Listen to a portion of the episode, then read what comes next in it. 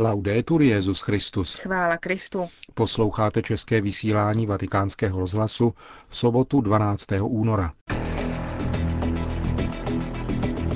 Benedikt XVI. hovořil o služebném kněžství na setkání s bratrstvem svatého Karla Boromejského. Apoštolský nuncius v Egyptě komentoval situaci v této zemi. V Římě zemřel polský arcibiskup Žičinský. To a mnohé další uslyšíte v našem dnešním pořadu, ke kterému přejí hezký poslech Markéta Šindelářová a Milan Glázer.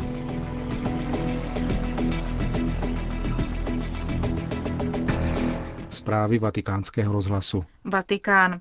Benedikt XVI. dnes přijal na audienci členy kněžského bratrstva svatého Karla Boromejského u příležitosti 25. výročí jejich založení. Bratrstvo vzniklo na půdě italského katolického hnutí Comunione e Liberazione a založil jej otec Massimo Camisaska. Dnes má 25 domů v 16 zemích. Svatý otec ve své promluvě ke čtyřem stovkám jejich členů, kněžím a seminaristům hovořil o služebném kněžství v životě církve a o komunitním životě v rámci kněžské zkušenosti. Benedikt XVI. poukázal na pravdu, která se objevila v 19. století a nalezla svůj hlavní výraz v teologii druhého vatikánského koncilu. Mám na mysli fakt, že křesťanské kněžství není samoučelné, nýbrž bylo Ježíšem zamýšleno s ohledem na vznik a život církve. Každý kněz proto může říci věřícím za pomoci parafráze slov svatého Augustína Vobiscum Christianus pro vobis sacerdos. Spolu s vámi jsem křesťanem, pro vás knězem. Slávou a radostí kněžství je sloužit Kristu a jeho mystickému tělu. Je to jedinečné a překrásné povolání uvnitř církve a zpřítomňuje Krista, protože má účast na jediném a věčném kněžství Kristově. Povolání ke kněžství jsou bezpečným znamením pravdy a životnosti křesťanského společenství.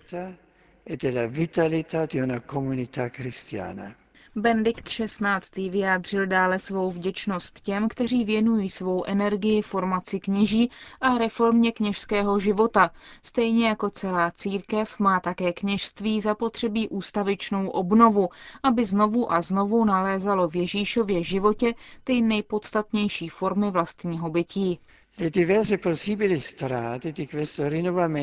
Nejrůznější možné cesty této obnovy nesmějí zapomínat na některé neodmyslitelné prvky. Především je to důkladná výchova k meditaci a modlitbě, prožívané jako dialog se vzkříšeným pánem přítomným ve své církvi. A za druhé studium teologie, umožňující setkání s křesťanskými pravdami v podobě syntézy s osobním i komunitním životem.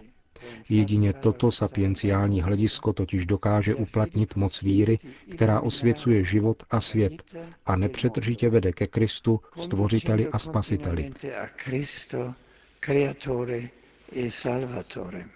Benedikt XVI. pak zmínil, že kněžské bratrstvo svatého Karla Boromejského během své krátké, ale intenzivní historie podtrhlo především hodnotu komunitního života.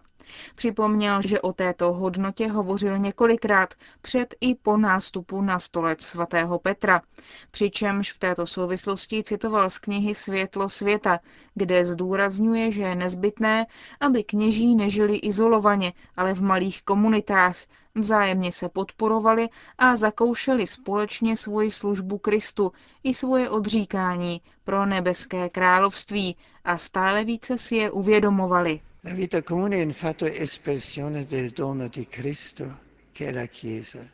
Komunitní život je totiž výrazem Kristova daru, kterým je církev, a jejím předobrazem je společenství apoštolů, ve kterém mají své místo kněží. Žádný kněz totiž není správcem toho, co mu patří, ale spolu s druhými má účast na svátostném daru, jenž pochází přímo od Krista. Komunitní život je tedy výrazem pomoci, kterou Kristus poskytuje našemu životu, když nás skrze přítomnost bratří volá ke stále hlubšímu připodobnění se jeho osobě. Žít s druhými znamená přijmout nezbytnost ustavičné vlastní konverze a objevovat krásu této cesty, radost pokory, pokání, ale také rozmluvy, vzájemného odpuštění a vzájemné podpory. del mutuo sostegno Nikdo však nemůže regenerativní sílu komunitního života přijímat bez modlitby, pokračoval Benedikt XVI. Bez vstupu do věčného dialogu, který vede syn s otcem v duchu svatém, je autentický komunitní život nemožný. Je třeba být s Ježíšem, aby bylo možné být spolu s druhými, a to je jádro poslání. Ve společenství s Kristem a bratřími může každý kněz nalézt nezbytnou energii, aby pečoval o bližní, staral se o jejich duchovní i materiální potřeby a aby stále novými slovy, které diktuje láska, učil věčným pravdám víry, po nichž žízní i naši současníci řekl Benedikt XVI. v závěru své promluvy ke členům kněžského bratrstva svatého Karla Boromejského. New York. Rozvoj nelze měřit jen ekonomickými parametry, zdůraznil stálý pozorovatel svatého stolce u Organizace spojených národů. Arcibiskup Francis Chuliket promluvil včera na komisi OSN pro sociální rozvoj. Zdůraznil tam, že při snahách o vymícení chudoby je stále třeba brát zřetel nejen na politický a ekonomický rozměr, ale také na rozměr etický a duchovní. Nejhlubší lidské potřeby jdou dál než jen potřeba jídla a vody, dodal arcibiskup Čuliket. Vatikánský diplomat zvláště zdůraznil roli rodiny a povzbudil k obraně plodivé a výchovné role rodičů, z níž mají prospěch děti, které mají právo vyrůst ve zdravém rodinném prostředí. Arcibiskup Čuliket neopomněl upozornit na pokles počtu obyvatelstva v západních zemích a znovu zdůraznil potřebu patřičně investovat do ochrany dětství. Egypt. Za historický moment, který se může stát etapou na cestě k pokojné budoucnosti Egypta, označil arcibiskup Michael Fitzgerald odchod prezidenta Husního Mubaraka. Apoštolský nuncius v Egyptě dále vyjádřil naději, že nastal čas vlády politiků, schopných odpovědět na požadavky společnosti a řešit problémy, které vedly k masovým protestům. Myslím, že prezident Mubarak dříve než podal demisi, určitým způsobem tuto chvíli připravil tím, že pověřil Omara Sulejmana dohledem nad reformou ústavy. Vznikla komise, která má analyzovat jednotlivé články ústavy a připravit volby nového prezidenta. Doufám, že velitelství egyptských ozbrojených sil půjde stejnou cestou a odpoví tak na očekávání národa. Jde přitom nejen o požadavky politického rázu, ale také o ty, které se týkají sociálních problémů. Odtud se vlastně protesty začaly. Národ je opravdu šťastný, panuje atmosféra radosti. Na náměstí Tárír slaví nejenom mládež, ale celé rodiny. Pro Egypt je to opravdu historická chvíle. Doufejme, že přinese této zemi konkrétní plody. V celém Egyptě panuje radost.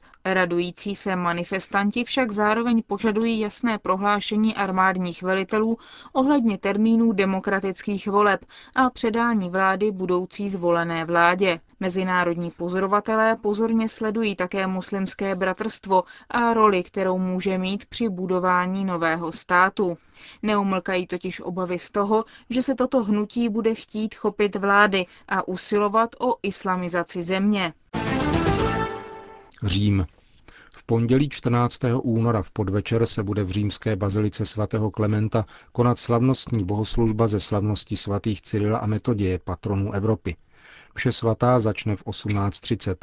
Předsedat jí bude emeritní pražský arcibiskup kardinál Miloslav Vlk. Koncelebrovat s ním budou také současný pražský arcibiskup Dominik Duka, arcibiskup Olomoucký Jan Graubner a také někteří členové římské kurie. Bohoslužbu doprovodí smíšený sbor svatého Stanislava z diecézního gymnázia v Lubliani. Po mši svaté bude následovat modlitba u hrobu svatého Cyrila v podzemním patře baziliky.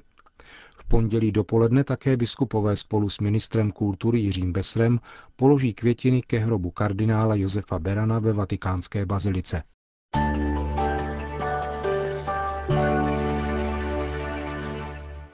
Ve čtvrtek 10. února zemřel náhle v Římě metropolita polského Lublinu, arcibiskup Josef Žičinský. Bylo mu 62 let. Do Vatikánu přijel na plenární zasedání Kongregace pro katolickou výchovu jako jeden z jejich hlavních spolupracovníků. Arcibiskup Žičínský patřil mezi přední katolické filozofy naší doby. Zabýval se filozofií vědy, relativistickou kosmologií, metalogikou, historií vědy a vztahem mezi vědou a vírou. V letech 1982 až 1990 působil nejprve jako proděkan a od roku 1988 jako děkan Filozofické fakulty Akademie katolické teologie ve Varšavě. Inicioval ediční řadu s titulem Filozofické úkoly ve vědě, anglickou edici Philosophy in Science, vydávanou ve spolupráci s Vatikánskou observatoří a univerzitou v Taxon a interdisciplinární ediční řady Philosophy in Science Library, vydávané rovněž ve spolupráci s Vatikánskou observatoří. V roce 1990 byl jmenován biskupem v Tarnově a o sedm let později arcibiskupem metropolitou v Lublinu. Patřil mezi velmi aktivní členy Papežské rady pro kulturu. V letech 1999 až 2005 byl členem společné pracovní skupiny katolické církve a Světové rady církví. Byl konzultantem, spolupracovníkem nebo členem celé řady světových vědeckých grémií. Připomeňme jeho členství v Evropské akademii věd a umění v Salzburgu, v Ruské akademii přírodních věd nebo ve výboru pro evoluční a teoretickou biologii Polské akademie věd. Zasedal ve vědecké radě Templetonovy nadace, která uděluje cenu považovanou za Nobelovu cenu teologie.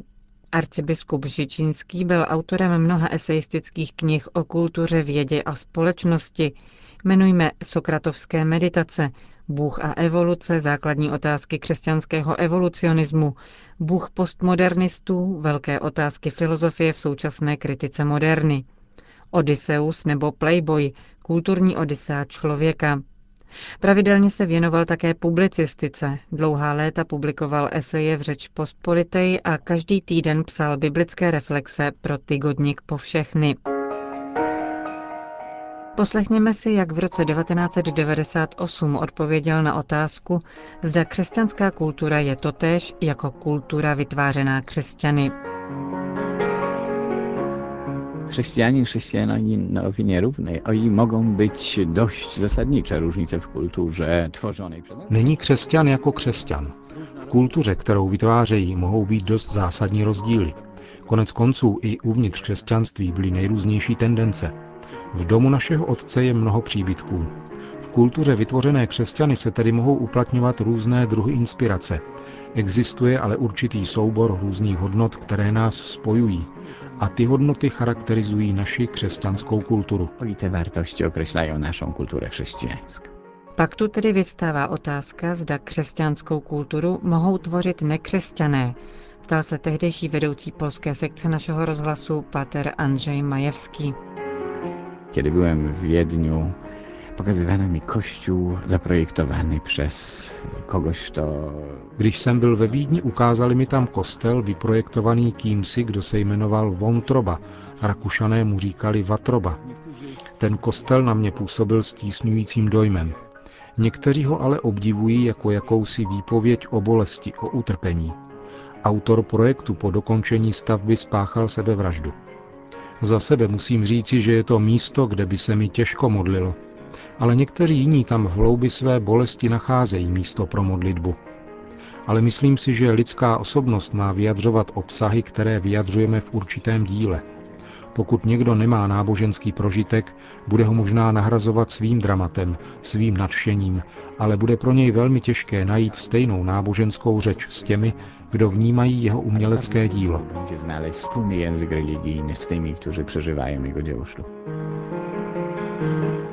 To byla část rozhovoru s arcibiskupem Josefem Žičínským, natočeného v roce 1998. Pohřební obřady arcibiskupa Žičínského se budou konat v sobotu 19. února v 11 hodin v Lublinské katedrále.